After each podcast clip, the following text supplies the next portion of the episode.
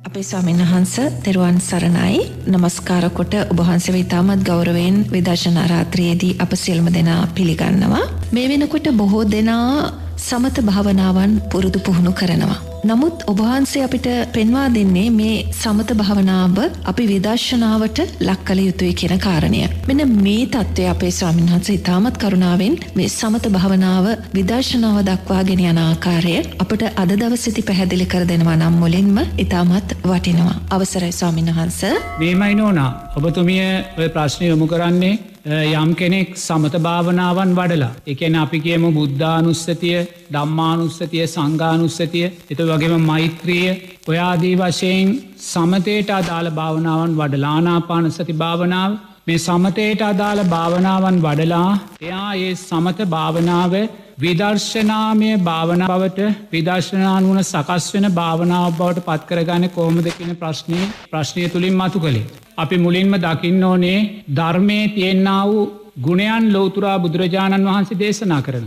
භාවනාවක් වැඩීමෙදී අනිවාර්යෙන්ම අපි තුළ සති සම්බෝජ්ජන්ගේ සකස් වෙලායි තියෙන්නේ අදාළ භාවනාවට අදාළව සති සම්බෝජ්ජන්ගේ සකස් වන සැන අනිවාර්යෙන්ම අපි තුළ සකස් වෙන්නේ ධම්ම විජය පොජ්ජන්ගේ. එනිසා ධම්ම විජය බොජ්ජන්ගේ තුළ අපි ජීවත් වෙද්දි නිර්හේතුරුවම ධර්මය ගුණයන් ඒ භාවනාව තුළින් අපේ ජීවිතෝල්ට එකතු වෙලයි තියෙන්. සමත භාවනාව නිවරෙදුව පුහුණු කලානගේ. තොර ධර්මය ස්වක්කාත ගුණය ධර්මය සන්දිිට්ටික ගුණය ධර්මය අකාලික ගුණය ධර්මය ඒහි පස්සික ගුණේ අන සුන්දර තැනක්. එකන ධර්මය ඒහි පස්සික ගුණේ තමා තුළ තියෙන් ඕනේ. තමා සමත භාවනාව පුහුණු කරලා මෛත්‍රී භාවනාව හොඳින් වඩලා ඒවගේම ආනාපාන සති භාවනාව බුද්ධානුස්සතිය හොඳින් වඩලා ඒ සමත භාවනාව විදශ්ශනාවට යොමු කරගන්න කොතනදිද කියන කාරණය අපිට කෙනෙක් ඇගිල්ලෙන් ඇල්ල කියල් දෙන්න අවශ්‍යතාවයක් නැහැ. අපිට කෙනෙක්ගෙන් අහන්න අවශ්‍යතාවකුත් නැහැ.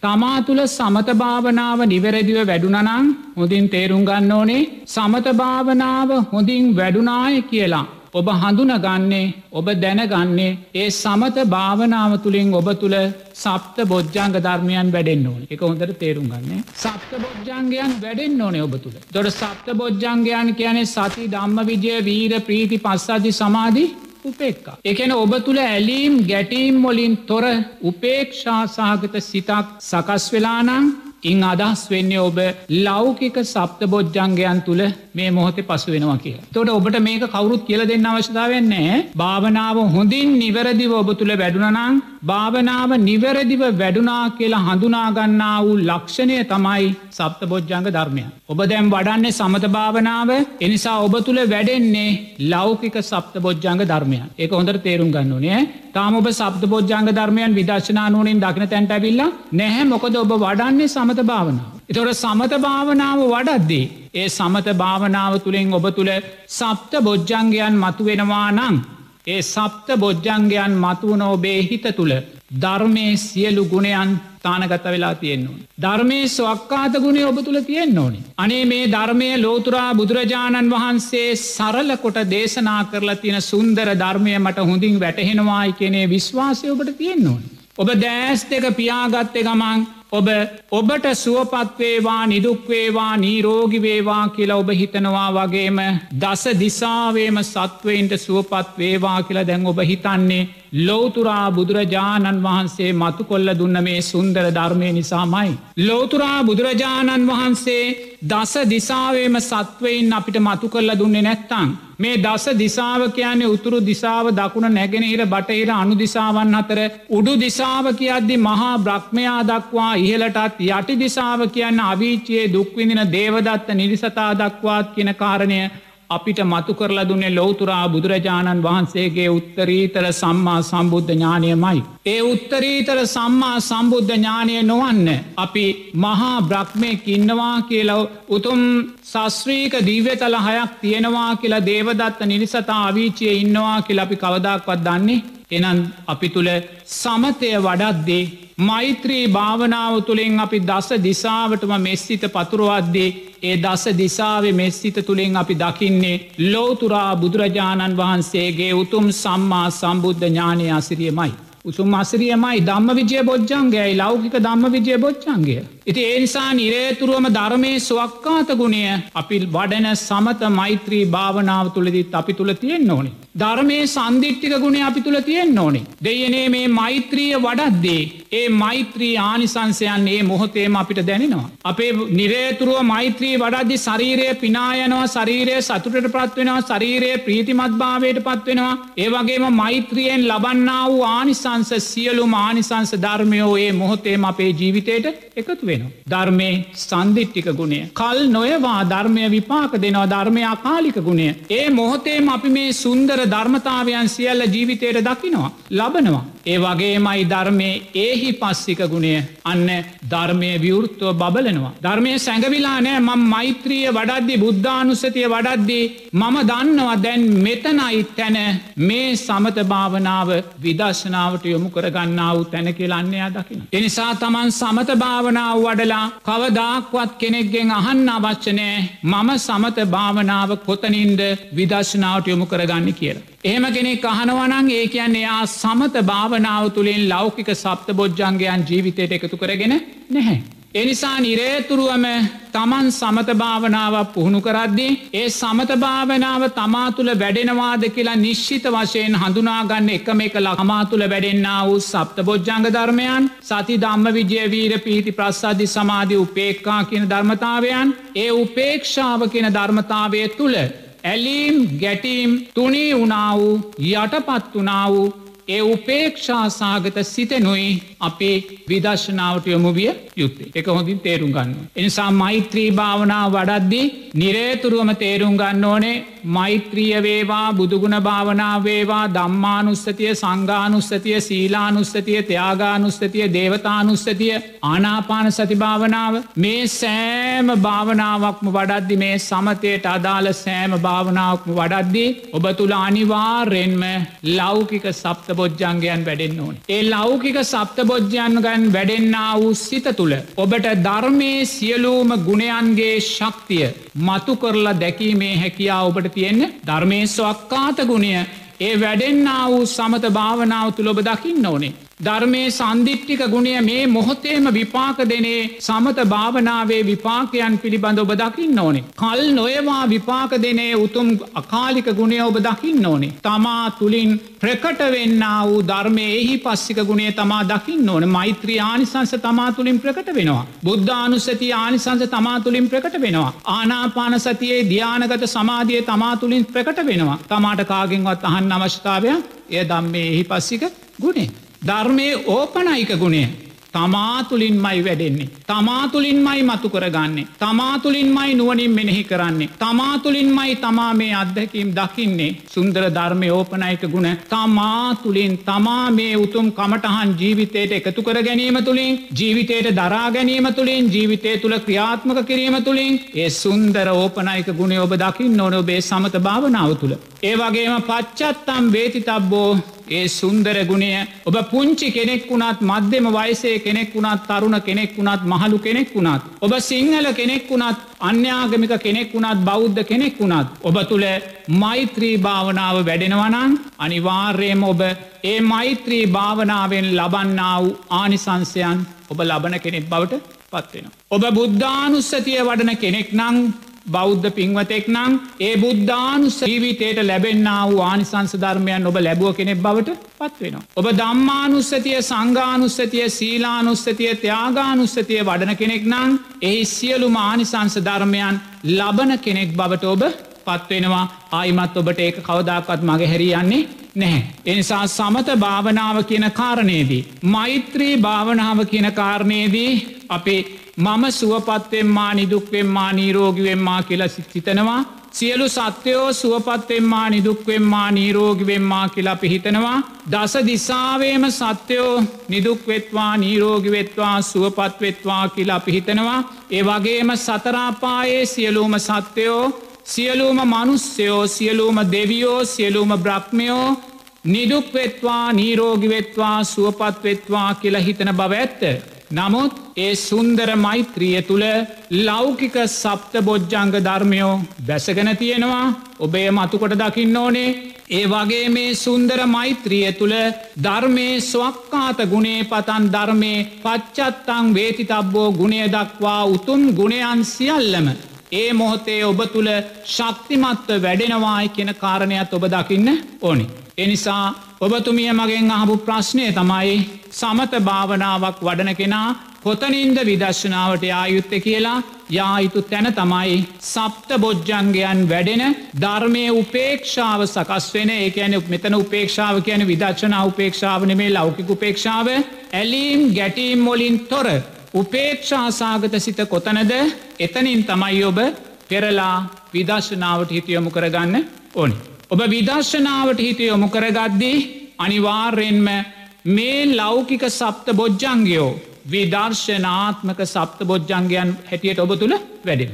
ඔබ සති සම්බෝජ්ජන්ගේ තුළ ජීවත් වෙමින් සති සම්බෝජ්ජන්ගේ අනිත්‍ය භාවය දකින කෙනෙක් වෙනවා. ඔබ සති සම්බෝජ්ජන්ගේට බැඳෙන්නේ නෑ. ඔබ දන්නවා මේ සති සම්බෝජ්ජන්ගේත් අනිත්‍ය වූ ධර්මතාවයක් කියලා. අසපුරුෂාස්වයට වැටුනොත් පංච නීවරණන් තිවරවුණොත් අනිවාර්යම මේ සති සම්බෝජ්ජන්ගේ දුර්වල වෙලායන. එනිසා තමා දැන් දෙවැනි වටේදී විදර්ශනාත්මක වටේදී අන්න ඔබ සති සම්බෝජ්ජන්ගේත් විදර්ශනාත්මකව දකිමින් තමයි සති සම්බෝජ්ජන්ගේ තුළ ජීවත් ඔබ සති සම්බෝජ්ජක්ගයට කවදක්වත් බැඳෙන්නේ නැහැ. ඔබ සති සම්බෝජ්ජන්ගේ මමය මගේ මගේ ආත්මය කෙල ඔබ කවදක්වත් ගන්නේ නැහැ. ඔබේ සති සම්බෝජ්ජන්ගේ නිසා කවදක්වත් ඔබ මමත්වේ දැඩිභාවය ඇති කරගන්නේ නැහැ. ඔබ නිරේ තුරුවම සතිය තුළ හිඳමින් සතියේ අනිත්‍ය භාවය නුවනින් දකිමින් ජීවත්වෙනවා. ඔබ දම්ම විජය බොජ්ජන්ගේ තුළ හිඳමින් නිරේතුරුවම දම්ම විජය බොජ්ජන්ගේ අනිත්‍ය භාවය දකිමින්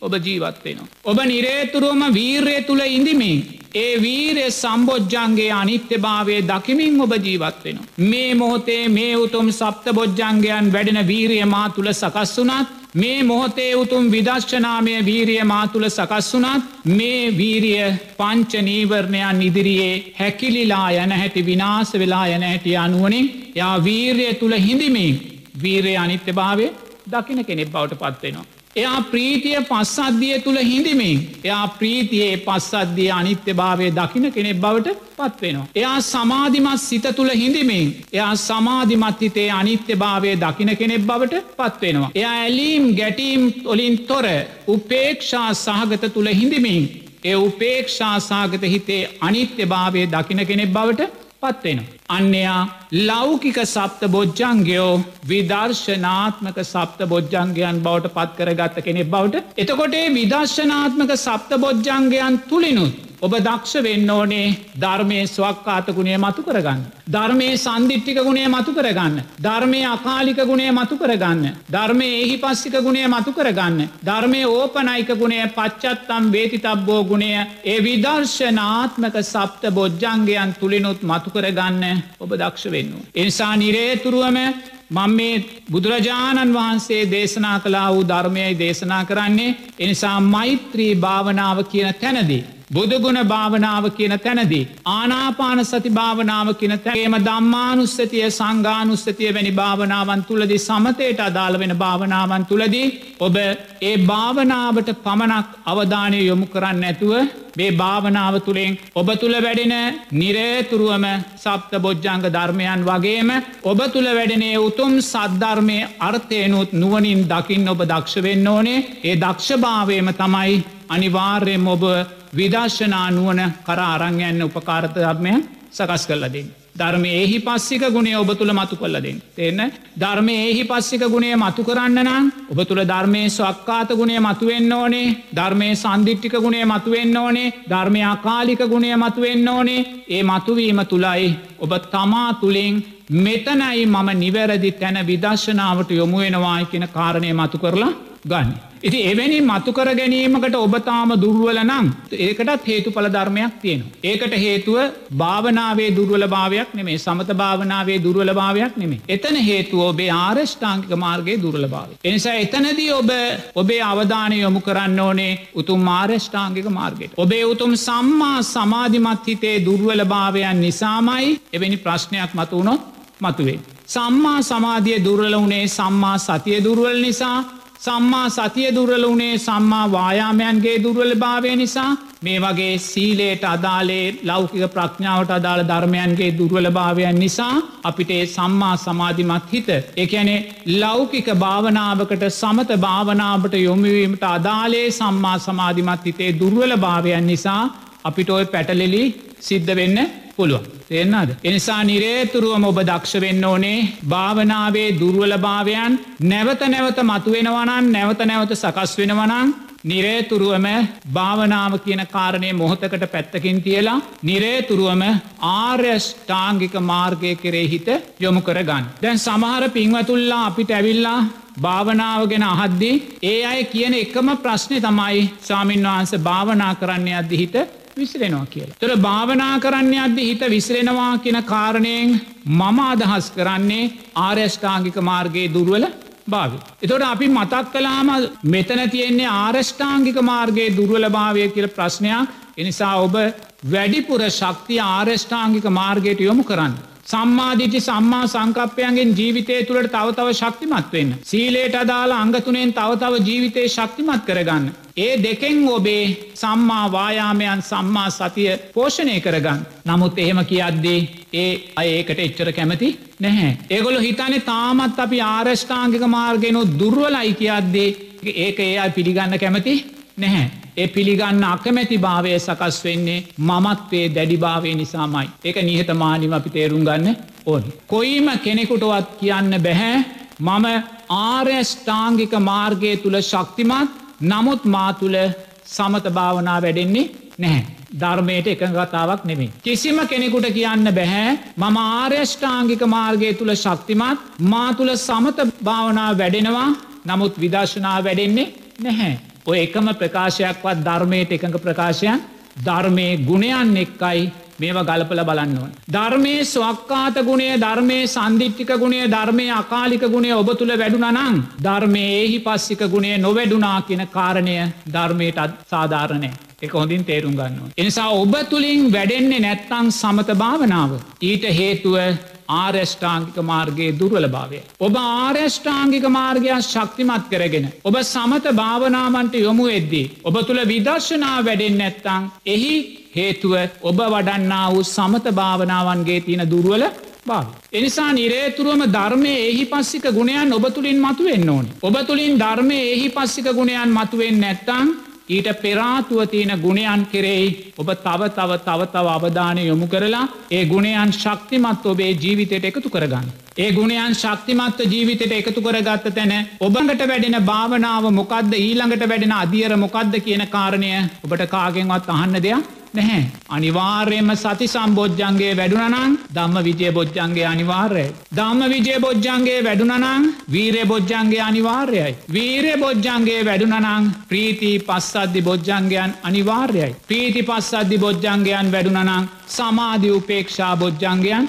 අනිවාර්යයි. එනිසා ඒවා පිළිබඳ අපි ඇගිල්ලෙන් ඇනලා බලෙන්ගෙන්න්න ගන්න අවස්ථාවයක් අපිට නැහැ. එනිසා නිරේතුරුවම ධර්මමාර්ගයේ නිහතමානීකම තමයි මුල්වෙන්නේ එන්නද නිහතමානීකමයි මුල්වෙන්නේ. එනිසා අපි බුදුරජාණන් වහන්සේ දේශනා කලා වූ ධර්මය නිහතමානීව ජීවිතයට එකතු කරගන්න. සක්කා ඉදිත්‍යයට ඉඩ දෙන්න එපා. සක්කායිදිට්ටිය බරපතල ආකාරයෙන් අපේ ධර්ම මාර්ගය විතරක් නෙමේ අපේ සමාජීය ජීවිතය පවා විනාස කල්ල දාන ධර්මතාව. එන්නද දෙම අලුත් අවුරුද්දක් උදාවෙලාන තියෙන අලුත් අවුරුද්ධ පලවෙනි විදර්ශනාරාත්‍රයේ වැඩ සටහන් නේද. එතොට මේ භාවනාව ගැන කතා කරද්දී මේ උදාවුන අලුත් අවුරුද්දේ අපේ ජීවිතවලට අපි එකතු කරගතයුතු වටිනාම දෙයක් තමයි මෙන්න මේ සක්කා ඉදිත්‍යය මමත්වේ දැඩිභාවේ තින විෂමභාවය අපි හඳුනා ගැනීම. එක ඉතාමත් වටිනවා මොකද බුදුරජාණන් වහන්සේ දේශනා කරනවා උතුම් සෝවාන් පලේට පත් නොවූ සෑම කෙනෙක්ම කිනම් හෝ මානසික ව්‍යාදියකින් පෙළෙනවා කියලා එක හොඳර තේරුම් ගන්න ඕන. මම උතුම් සෝවාන් පලේට පත් වෙලා නැත්තං ඔබ උතුම් සෝවාන් පලට පත් වෙලා නැත්තං නිහතමානීව පිළිගන්න අපි කිනම් හෝ මානසික රෝගයකින් පෙළෙනවා මයි. මම නෙමේ කියන්නේ ලෝතුරා බුදුරජාණන් වහන්සේ. මේ මානසික රෝගය කියන්නේ රූප වේදනා සංඥා සංකාර විඤ්ඥානයන් කෙරෙහි අසීමිත තුෂ්නාව. මේ රූප වේදනා සංඥා සංකාර විඤ්ඥානයන් මමය මගේය මගේ ආත්මය කියලා දැඩියාකාරයෙන් ගැනීමෙන් ඇතිකර ගන්නා වූ සක්කා එදිට්ටිය කෙන විසබීජයයි මෙන්න මේ මානසික රෝගී භාවය සකස් කලද. කොහොඳට තේරුම් ගන්න. මං බොහෝම විවෘත්තව කියනවා අද මේ සමාජය බලවත් අනතුරකට පත්වෙලා තියෙන්නේ අපි කිසිම කෙනෙක් මේ බුදුරජාණන් වහන්සේ දේශනා කලා වූ මේ මානසික රෝගී භාවය අපි තුළින්තා මහදුනාගෙන නැහැ. අපි මේ මානසික රෝගී භාවය හඳුනා නොගන්නේ අපේම තින සක්කායි දිට්ටිය නිසාමයි. එනිසා මේ මානසික රෝගී භාවයට පාමසියකෙන් ගිහිල්ලා ගන්න බෙහෙත් නැහැ. අපේ බටහිර වෛද්‍යවරයෙක් ළඟට ගිල්ල ආයුවේද දොස්තර මහත්මයෙක් ළඟට ගිල්ල අපිට ගන්න බෙහෙත් නැහැ. මේ සක්කායි දිට්ටිය තුනී කරන්න මේ මානසික ව්‍යාදියෙන් මිදන්න ගන්න තියෙන එකම එක බෙහෙත තමයි උතුම් මාරෂ්ඨාංගික මාර්ගය. එනිසා නිරේතුරුවම මේ සක්කාය දිට්ටිය කියන මානසික ව්‍යාදිය වර්තමානයේ සමාජයට කරලතින හානිය මෙපමනයි කියලා වචනොලින් අපිට කියන්න පුළුවන්කම නැහැ. අපි භාවනා කරන්න ඉස්සෙල්ලා තෙන් හඳුනගන්න ඕන් තේරනාද. එනිසා ලෝතුරා බුදුරජාණන් වහන්සේ මෙන්න මේ සෝවාන් පලයට පත් නොවූ සෑම කෙනෙක්ම තුළ සකස්වෙන මේ මානසික ව්‍යාදිය නිසා මේ මානසික රෝගීභාවය නිසා මේ සක්කාය දිට්ටිය මමත්වේ දැඩිභාවය අකීකරුභාවය නිසා බුදුරජාණන් වහන්සේ දේශනා කරනවා. නිරේතුරුවම යමක් කරද්දි හැම වෙලාවෙම හැමෝම සාකච්ඡා කරන්න කියලා. මොකද අපිට තනිවම තීරණයක් ගන්න බැහැ. අපිට තනියම තීන්දුවක් ගන්න බැහැ. මොකද අපි තාම සෝවාන් පලට පත් වෙලා නැහැ. ඒ නිසා අපේ අර බරපතල මානසික ව්‍යාදී අපි ඇතුළේ සැඟවිලා තියෙනවා අපේ පස්සේ තුළ අපේ පටිච්ච සමුපන්න විඤ්ඥානය තුළේ මානසික ව්‍යාදිය නිදන්ගත වෙලයි තියෙන්. එනිසා බුදුරජාණන් වහන්සේ දේශනා කරනවා සෑම කාරණයකෙදිම. ශාසනය උදෙසාවේවා දේශපාලනය උදෙසාවේවා සමාජය උදෙසාවේවා සමගියෙන් රැස්වෙන්. සමගියෙන් රැස්වෙන්. තනිව තීරණ ගන්න යන්න එපා මොකද ඔබ මානසික රෝගියෙක්. එහ මානසික රෝගී භාවය කියන්නේ උතුම් සෝවාලන් පලට පත් නොවූ සෑම කෙනෙක්ම ඉන්න අවුත් තැනක් එක මටත් පොදුයි ඔබටත් පොදුයි. එනිසා අපි මානසික රෝගීන් නිසා පොදු කාරණාවලදි ශාසනික කාරණාවලදී තනිවම තීරණ ගන්නයන් එපා. මොකද එහෙම තීරණ ගන්න අපිට ශක්තියක් නැහැ. මොකද අපි තාමර මානසික ව්‍යාදියෙන් විදිල නැහැ. එනිසා සමගියෙන් රැස්වෙන්න.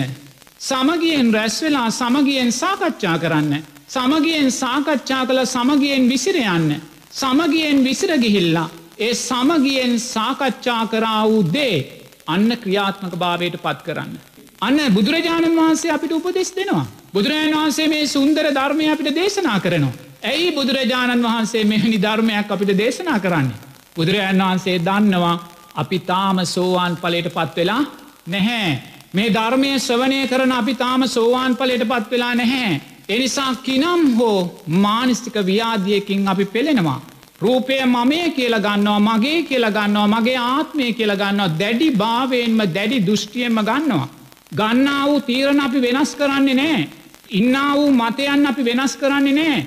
දෘෂ්ටි මතවාද තුළ අපි බැසගෙන ඒවා මමය මගේ මගේ ආත්මය කියල දකිමින් අපි ජීවත්වෙනවා. නමුත් අපි දකින්නේ දෙයනේ මම මෙහෙම දකින්නේ මගේ මානසික රෝගී භාවය නිසා කියල අපි කවදක්වත් දකින්නේ අන්න බුදුරජන් වහන්සේ බෙහෙත දෙනවා. මොකක්ද බුදුරජන් වහන්සේ දෙන අවෂ්‍යදය.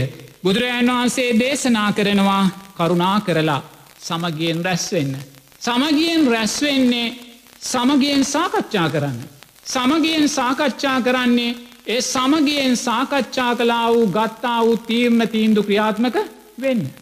එම නැතුව අපි රැස් වෙලා සමගියෙන් සාකච්ඡා කරලා අවසානය අපි ක්‍රියාත්මක කරන්නේ මම දරාගත්තා වූ මමත්වේ දැඩිභාවෙන් මමම දරාගත්තා වූ තීන්දු තීරණ නං ඒ සමගියෙන් රැස්වීමෙන් තේරුමක් නැහැ. සමගියෙන් සාකච්ඡා කිරීමෙන් තේරුමක් නැහැ. ඇයි අපිට ඒක තේරුමක් නෑ කියලා නොතේරෙන්නේ අපි අර මානසික රෝගී භාවය තුළ ජීවත්වෙන නිසාමයි. එනිසාවේ භාවනාවේදී වේවා මමත්වේ දැඩිභාවයෙන් භාවනාව දකින්න එපා.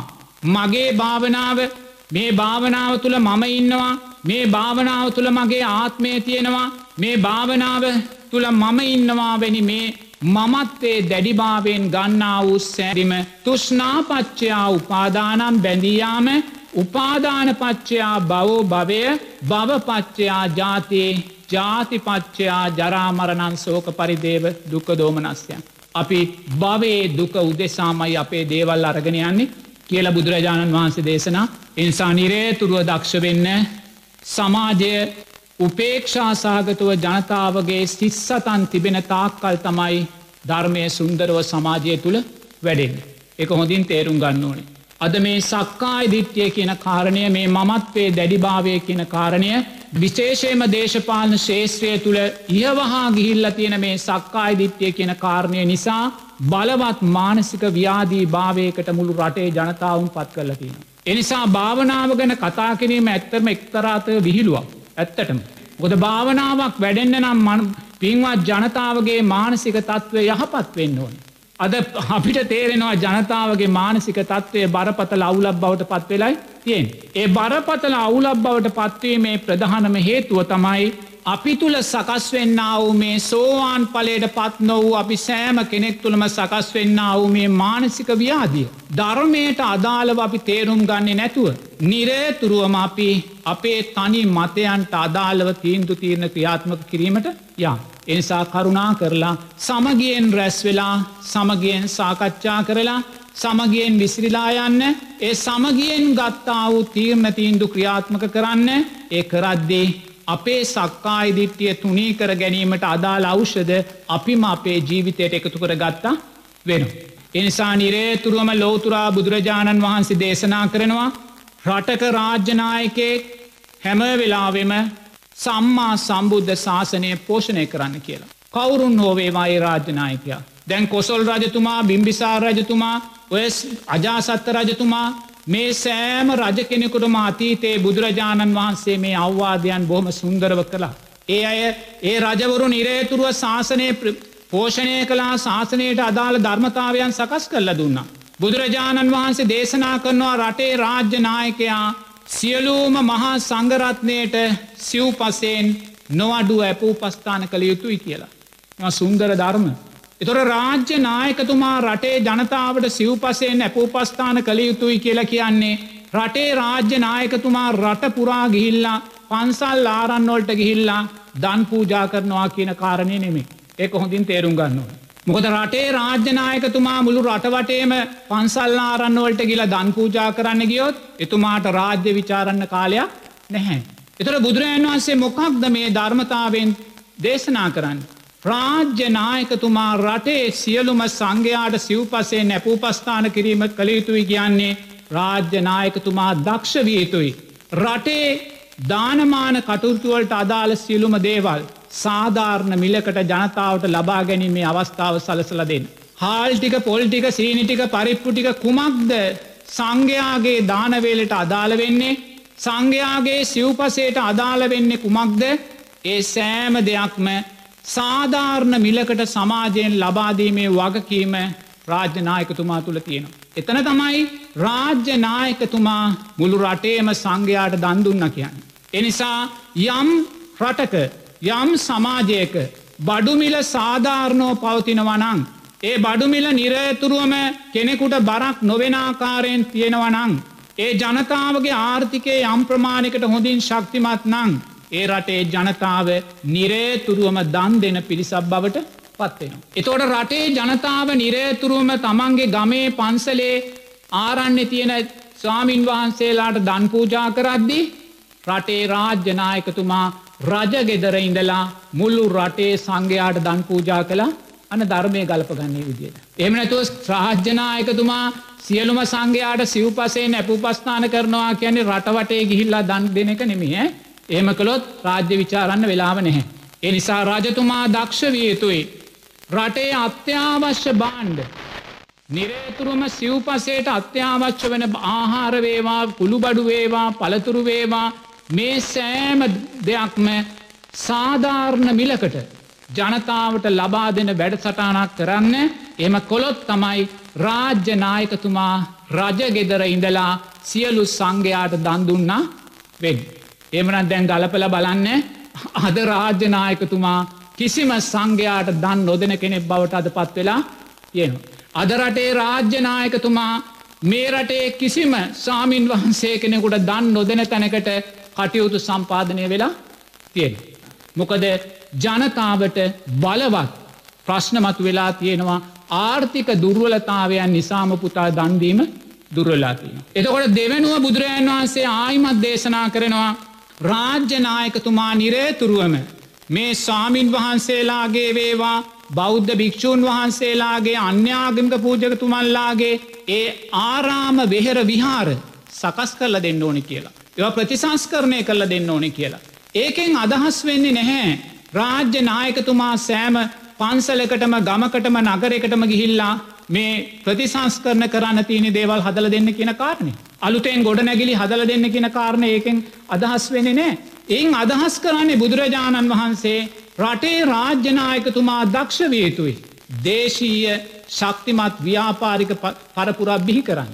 කෞද ශාසනයට උදව් කරන්නේ. කෞද අන්න පූජකතුමල්ලාගේ ආගම්වලට උදව් කරන්න. එවැනි අයට පුතේ අවශ්‍ය ණය පහසුකන් දීලා. අවශ්‍ය ප්‍රතිලාභයන් දීලා. අවශ්‍ය රාජ්‍ය පහසුකම් දීලා. ඒගොල්ලන්ගේ ව්‍යාපාර ඒගොල්ලන්ගේ කර්මාන්ත ශක්තිමත්ව පවත්වාගෙනයන් අවස්ථාව දීලා. පුතේ ඒ අය ධනවතුන් බවට පත්වෙලා ඒ ධනවත් දානපති පිරිස තුළින් පුතේ ශාසනය ශක්තිමත් කරන්න ඕනේ. ආරාම විහාර ප්‍රතිසංස්කරණය කරවන්න ඕනේ. ඒගොල්ලන්ට කුටි හදන්න ඒගොල්ලන්ට සිව්පසේ පූජා කිරීමේ අවස්ථාව සලසල දෙන්න ඕනේ.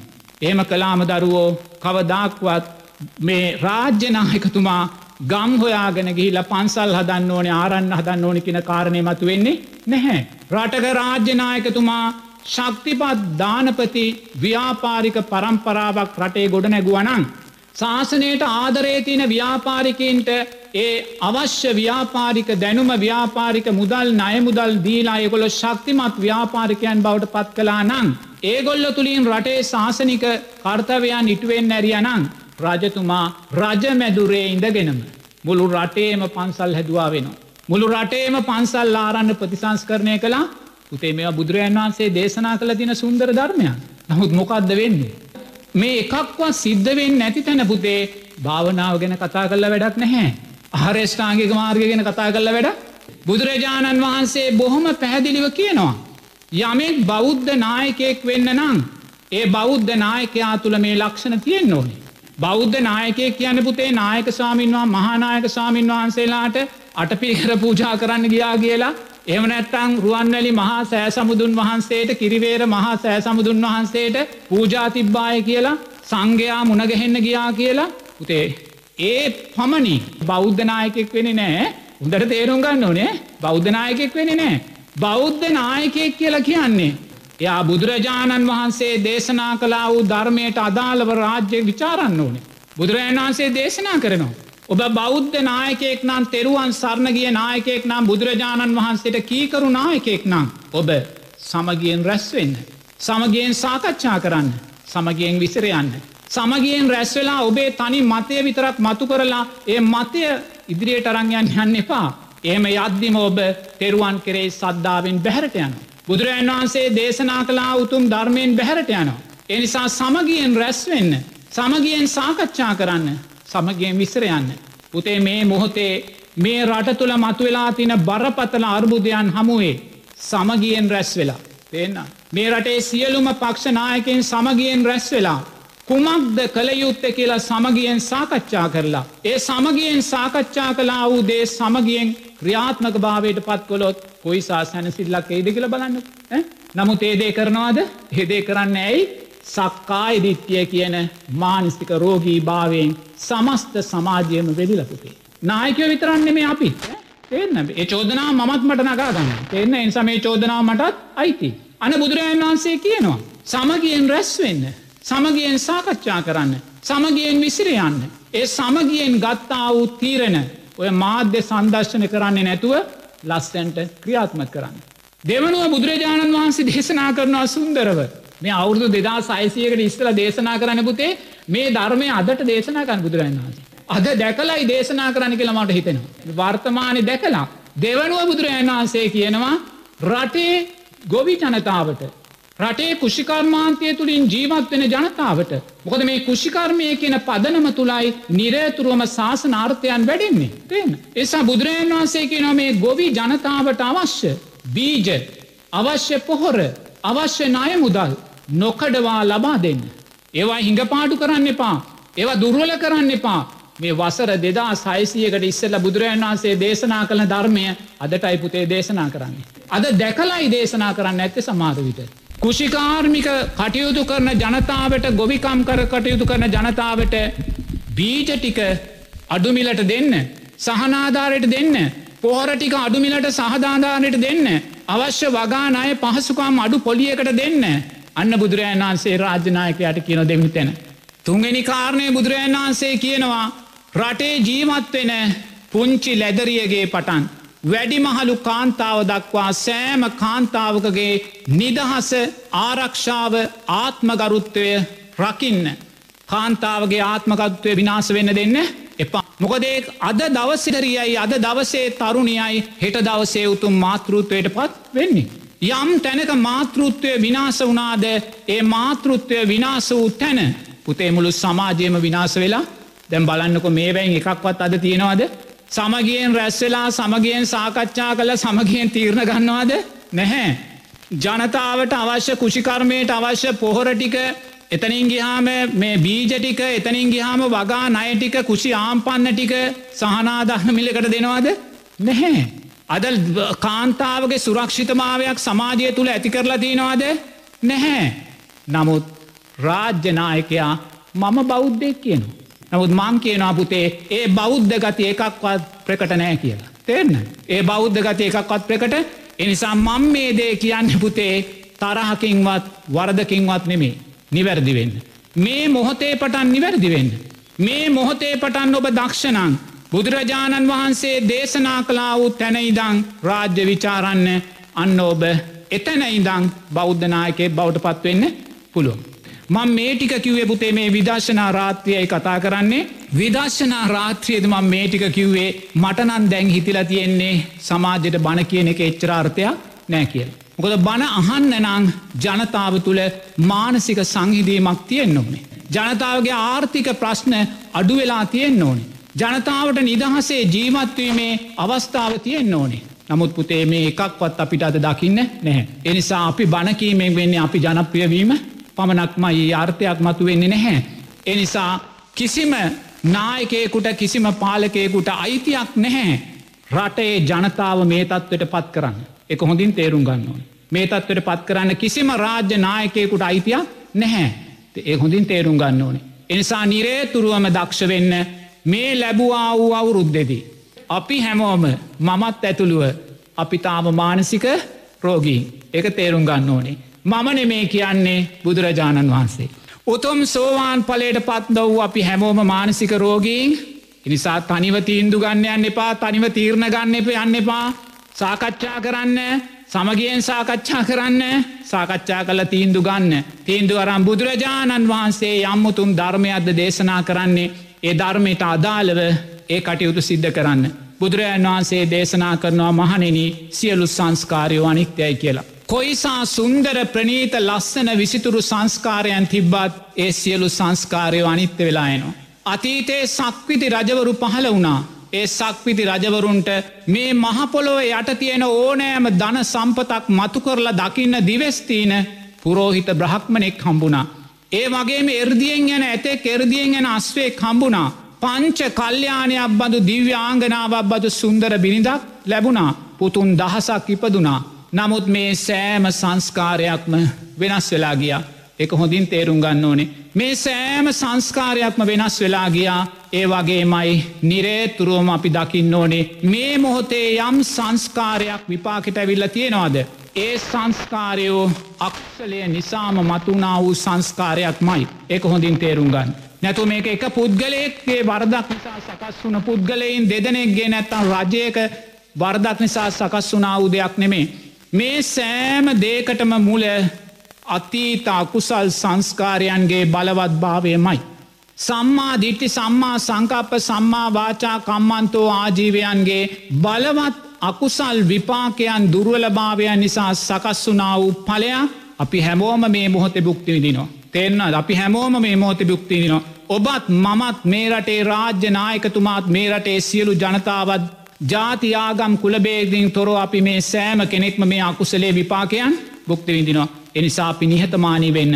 මේ මානසික රෝගී භාවය තමන් තුළින් හඳුනගෙන අපි නිහතමානී වෙන්න නිරේතුරුවම අපි දක්ෂ වෙන්න ඕනේ රටේ රාජ්‍යනායකතුමාට අපි ගරු කරනවා මොකද එතුමා මේ රටේ බලවත් කොටි තස්තවාදී අරගලයක් තියපු වෙලාවි යුද්ධයක් තියපු වෙලාවේ මේ රට බේරගන්න නායකත්වය දුන්න එක නායකෙක් ඒ ගරුත්වය අපිට තියෙන. ඒ ගරුත්වය ඊයත් තිබ්බ අදත් තිබ්බ හෙටත් අපිට තියෙනු. නමුත් අපි එක දෙයක් හිතන්න දක්ෂ වෙන්න ඕනේ. එදා යුද්ධය කියන කාරණයක් අද දේශපාලනය කියන කාරණයක් කාරණා දෙකක් මිසක් එකක් නෙමේ එක හොඳට තේරුම් ගන්න. එදා යුද්ධය සිද්ධ කරපු වෙලාවේ ඒ කොටි තස්තවාදයට එරෙහිව මේ රටේ සෑම සාමකාමී ද්‍රවිඩ මුස්ලිම් සිංහල ජනතාවගේ සහයෝගය හමුදාවට ලැබුණ. එක හොඳින් තේරුම් ගන්න ඕනි. එදා කොටි තස්තමාදී යුද්ධය තිබ්බ වෙලාවේ මේ රටේ ජීවත් වන සියලුම ජාති ආගම් කුලබේදවල සියලූම ජනතාව ඒ කොටි තස්තවාදයට එරෙහිව රජයටත් හමුදාවටත් අවශ්‍ය පූර්ව සහයෝගය ලබල කොටි තස්තවාදය පැත්තේ හිටේ කොටි තස්තවාදයක් ඊට උපකාරකරපු ජාතියන්තරයක් පමණක් මයි.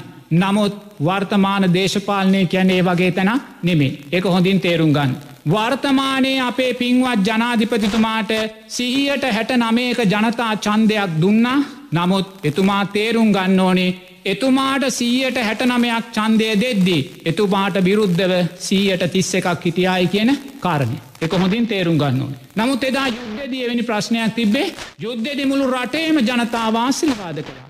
එනිසා දේශපාලනයේදී එතුමා සීයට හැටනමයක් චන්ද ගනිද්දේ සීයට තිස්ස එකක් එතුමාට විරුද්ධව හිටිය. එනිසා නිරේ තුරුවම වර්තමානයේ අපි තීන්දු තීරණ ගනිද්දී. අර ලක්ෂ තිස්ස එක ගැනත් අපි හිතන්න ඕනේ තේරනාද.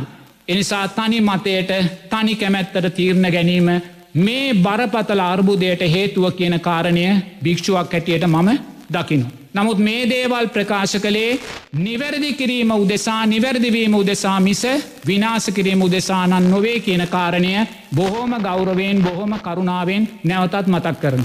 එනිසා මං මේ කාරණය විදර්ශනා රාත්‍රියයට මතු කල්ලා දැක්වේ මොකද පුතේ මනුස්සයා තුළ මානසික සංහිදීමක් නැත්තං දරුවෝ භාවනාව කියන කාරණය හුදු මිරිංගුවක් පමණක් මයි. තෙන්හද නමුත් සියලු සංස්කාරය අනිත්‍යයි අපි උත්සාහ ගනිමු කොහොමහරි මේ විපාක දෙන බලවත් අකුසල් සංස්කාරය යටපත් කරලා. තෙන්නාද මේ හැමෝටම මේ නායක පින්වතුල්ලාට ධර්මයේ ශක්තිය මතු කරලා දීලා මේ විපාක දෙන අකුසල් සංස්කාරය පුතේ කුසල් සංස්කාරයක් බවට පත් කරලා ශාසන ශක්තියෙන් මීට වඩා ශක්තිමත් තැනකට අරංගන්න අපි පුළුවන්න්න උත්සාහ ගනි වේනිසයි මේටික කිව්වේ හොදයි පින්වතුනි නිරේතුරුවම බුදුරජන් වහන්සේ පිරිනිවන් මංචකේ සැතපිලා අවසානය අපිට දෙන සුන්දර අවවාදයක් තියෙනවානේ. මහනිනි සියලු සංස්කාරයෝ අනිත්‍යය කෙන අවවාදේ.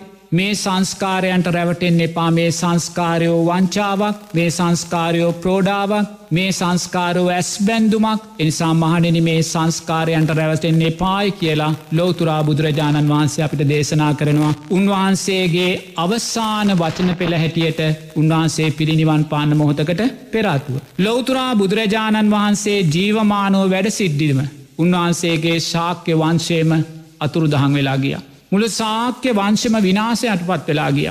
ඒ වගේම බුදුරජාණන් වහන්සේ ජීවමානෝ වැඩ සිටීදීම විශාලා මහනුවර දුර්භික්ෂයකින් මුළු විශාලාවම විනාස වෙලා ගිය. එතර මුරු විශාලාවම විනාස වෙලා යද්‍යයා බුදුරජාණන් වහන්සේ කවදක්වත් ඒ මුල් අවස්ථාවේදී මැද අවස්ථාවේදී විශාලාවට වැඩියේ නැහැ. ඇයිම වැඩිය බුදුරජාණන් වහන්සේ. බුදුරජාණන් වහන්සේ සම්මා සම්බුද්ධ ඥානයෙන් දැක්කා විශාලාව මේ මුහුණ දෙන විනාසය අතීත අකුසල් සංස්කාරයන්ගේ විනාසයක් මයි. එනිසා මං වැඩියත් මේ විනාසය කවදක්වත් නවතින්නේ නැහැ. එනිසා බුදුරජාණන් වහන්සේ විනාසේ මුලදිවත් මැදදිවත් විශාලාවට වැඩියේ නැහැ.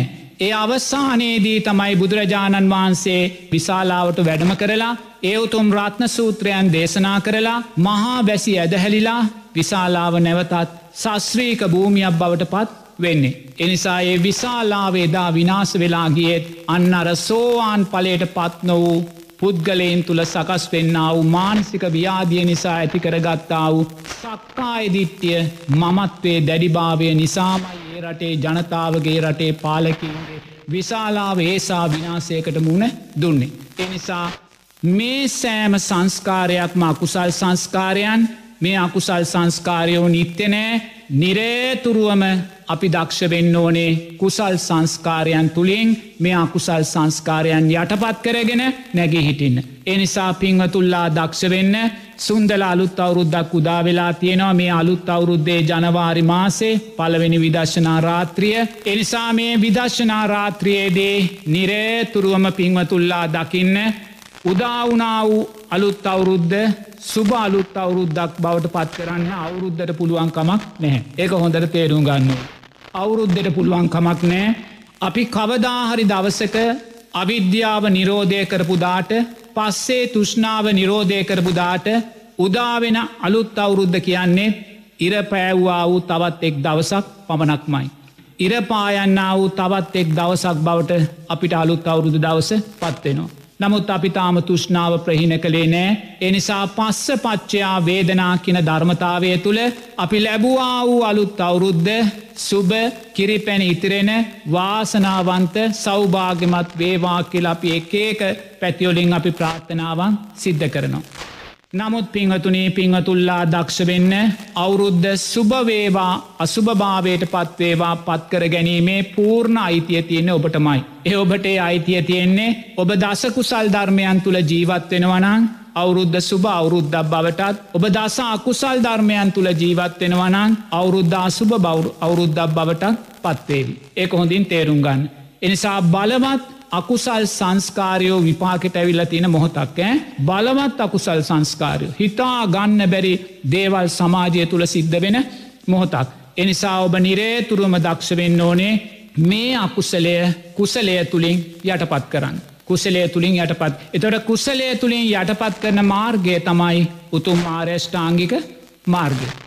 නිසා නිරේතුරුම පිංහතුනේ මේ ලැබවා වූ නව වසරෙදි ඔබේ එකම විශ්වාසය බවට පත් කරගන්න ඕනේ උතුම් මාරැෂ්ඨාංගික මාර්ගයමයි. එතොට ජනතාව තුළ උතුම් මාර්යෂ්ඨාංගික මාර්ගයේ ශක්තිමත් වෙන්න ශක්තිමත් වෙන්න ජනතාවගේ සම්මාධිටි සම්මා සංකප්පයන් ශක්තිමත් වෙන්න මෛත්‍රයේ ශක්තිය ශක්තිමත් වෙනකොට පංචසීලේ ආජීව අට්ටමක සීලේ ශක්තිය ශක්තිමත් වෙනකොට පිංවතුනී ජනතාව තුළ අකුසල් යට පෙලා කුසල් මතුවෙන ප්‍රවණතාවේ ඇති වෙන. ඒ ප්‍රවණතාවේ තුළ අපිට පුළුවන්කම ලැබේ මේ රට පාලනය කරන නායකතුමල්ලාගේ දේශපාලතුමල්ලාගේ නිලධාරයතුමල්ලාගේ සිස්සතන් යහපත් වෙන ආකාරයට ඒ ජීවිතත් කුසල් ධර්මයන් වැඩෙන ආකාරයට මතකර ගන්න. ඉන් මෙහානං කොතනකවත් අපිට ගැලවීමක් පේන්නේ නැහැ. එනිසා නිරේ තුරුවම මේ ලැබවා වූ නව වසරෙදී දසකුසල් ධර්මයන්ගෙන් පෝෂණය වූ පින කෙරෙහිම විශ්වාසය ඇතිකරගන්න ඇලීම් ගැටීම්වොල්ට අන්න එපා නිරේතුරුවම සමාජය තුළ කුමන දෙයක් සිද්ධ වනත් ඒ සිද්ධ වෙන දේ පුද්ගල සඥාවෙන් ගන්නයන්න එපා. මං මේ රටේ සිද්ධ වෙන මේ කිසිම දෙයක්වත් පුද්ගල සංඥාවකින් ගන්න යන්නේ නැහැ. නමුත් මේ මොහොතේ මං ඒක විග්‍රහ කරන්න ඒ ආකාරයෙන් කළත් කොයිම වෙලාකුවත් කවුරුන්නෝ රටේ ප්‍රශ්නයක් ගැන කතා කළොත් ඒ කතා කරන බොහොතේම මංගේ ප්‍රශ්නය වග උත්තරකාරයා හැටියට දකින්නේ අවිද්‍යාවයි. ඒක හොඳින් තේරුම් ගන්න ඕනේ. අපි යමක් විස්තර කරන්නේ අපියම යමක් පැහැදිලි කරලා දෙන්නේ නිවැරදි කිරීම උදෙසා මිසක් කෙනෙක්ව විනාස කිරීම උදෙසානං නෙමේ. එනිසා නිරේ තුරුවම ඔබ රට තුළ මොන ප්‍රශ්න මතු වුණ. ආර්ථික ප්‍රශ්න වේවා දේශපාලන ප්‍රශ්න වේවා මොන ප්‍රශ්න මතු වනත් ඒ සෑම ප්‍රශ්නයක් ඉදිරියේදීම ධර්මය උපේක්ෂාව මතු කරගන්න අපි වපුරපු දෙයයි අපි අස්වැන්න හැටියට මේ වෙලා නෙලාගන්නේ කවුරුත් වපුරපු දෙයක් නෙමේ අපිම වපුරපු දේ එනිසා ඔබ දකින්න අපි වපුරලතියන්න එහෙමනම් බලවත් අකුසල්මයි ලෝබදේශ මෝහයන්මයි පව් පසුගේ අවුරුදු විසිපහ තුලාවට අපි වැඩිපුර වපුරලතියනෙ ලෝබදේශ මෝහයන්මයි. එහි ප්‍රතිඵලය තමයි අපි මේ ලබන්න. එනිසා අකුසලයක් විපාක දෙන්නේ බලවත් අකුසල් කරා අපි වරං යන්නමයි. මුදයට තේරුම් ගන්න. කල්්‍යාන මිත්‍ර ආශ්‍රය තුළින් පමණක්මයි මේ උතුම් ධර්මය මතු කරලා දෙන්නේ. ලෝතුරා බුදුරජාණන් වහන්සේ පමණක්මයි මේ උතුම් ධර්මය මේ විදියට මතු කරලා දෙන්නේ. අකුසලයක් විපාක දෙන්නේ තව තව අකුසල් කරා අපිවාරගෙන හොදට පරිස්සම් වෙන්න. අකුසල් මාරයා මේ වෙලාවේ සියලු අවි ආයුධ අතදරාගෙන පුතේ වියරුවෙන් ඉන්නේ. එනිසා ඒ වියරු අකුසල් මාරයාට ඔබ තවදුරටත් ආවුද දෙන්න යන්න එපා.